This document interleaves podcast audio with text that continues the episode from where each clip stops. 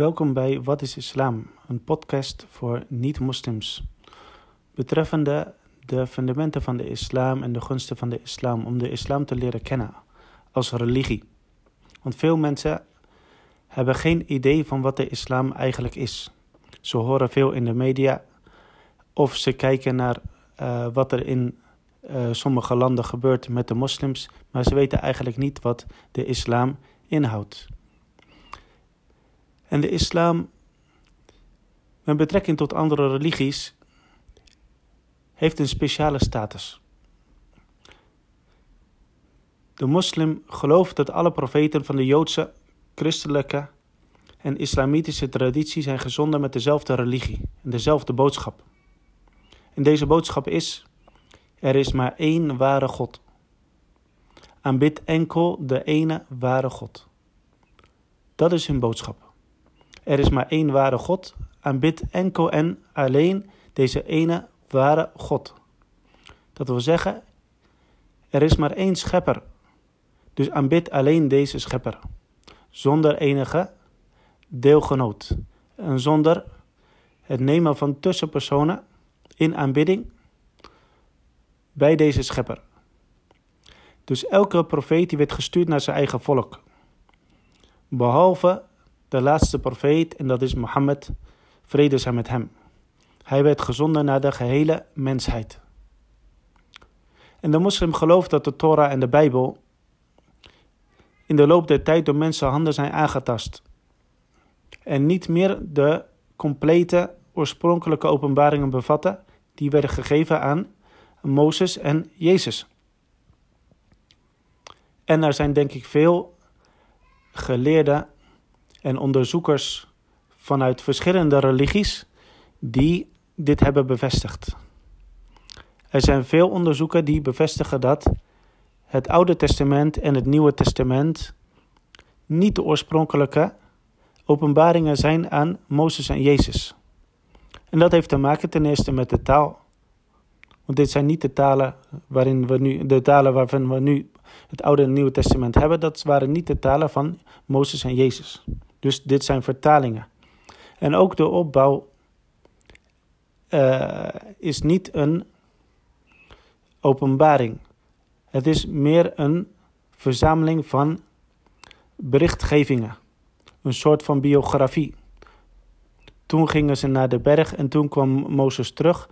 En toen zei Jezus tegen zijn discipelen en toen werd hij gekruisigd.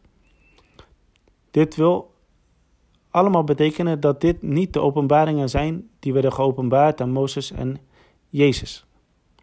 Dit zijn, uh, dit zijn dingen die zijn vastgelegd nadat zij zijn gekomen.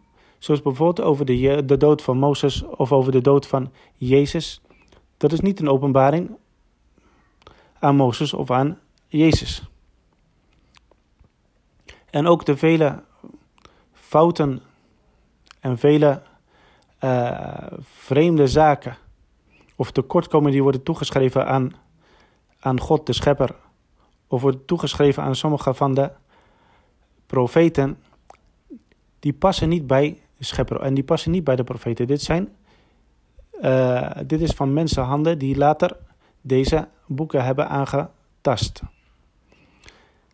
En zo zijn er veel bewijzen die ons doen geloven dat de boodschapper of dat de boodschappen die Allah, die God, Allah, de schepper, heeft gegeven aan Mozes en Jezus, de boeken die hij heeft geopenbaard aan hen, dat dit niet de boeken zijn die nu bestaan uh, onder de naam Torah of Torah en Bijbel, het Oude Testament en het Nieuwe Testament.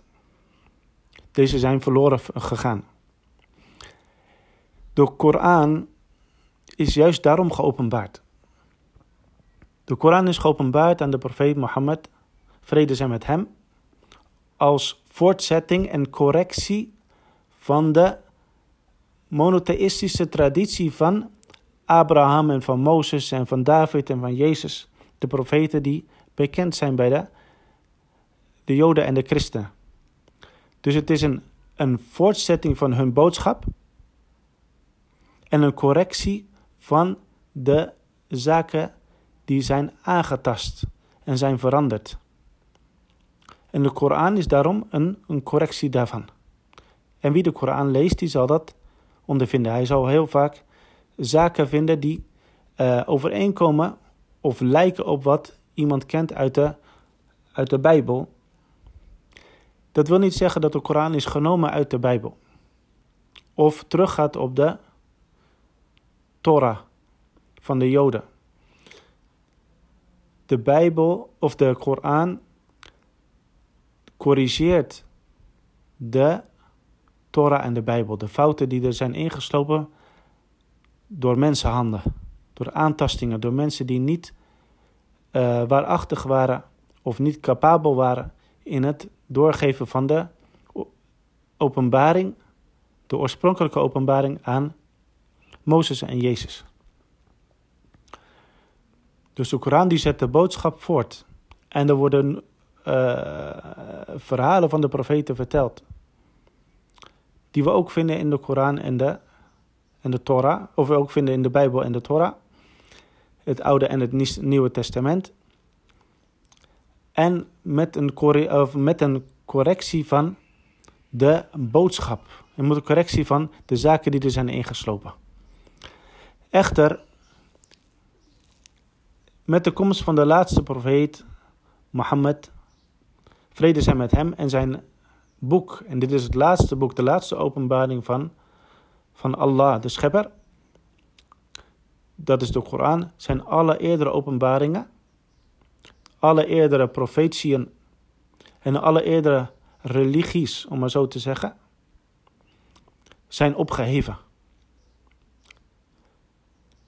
Als de Koran een correctie was en een voortzetting, dan is het een correctie. Dan, en de profeet Mohammed, vrede zijn met hem, kwam als laatste profeet, dan heeft hij deze traditie afgesloten. Deze uh, ketting van boodschappers afgesloten en ketting van openbaringen afgesloten met de Koran. En dan is deze religie vervolmaakt.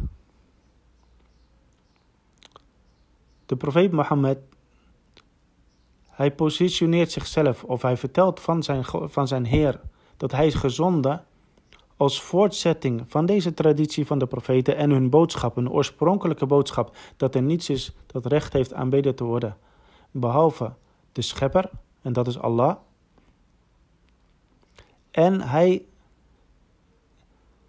is gekomen met een afsluiting dus een correctie en een afsluiting daarvan. Een correctie van alle fouten die in de, of in de, in de loop van tijd, in de geschiedenis van de mensheid, zijn geslopen in de religie. Waardoor de mensen hun religie, de oorspronkelijke religie van Allah, de schepper, zoals die geopenbaard is aan zijn boodschappers, hebben veranderd. Dit is zijn boodschap. Dus hij is de afsluitende profeet. En er is geen profeet die, die na hem komt. En er is geen openbaring die na hem komt. Daarom zegt Allah in de Koran, wat betekent, heden heb ik jullie religie voor jullie vervolmaakt. En mijn gunst op jullie voltooid. En de islam voor jullie als religie gekozen. Dus de islam is de afsluitende religie en een voortzetting van de traditie en de oorspronkelijke religie van de, van de profeten die zijn gezonden door Allah de Schepper.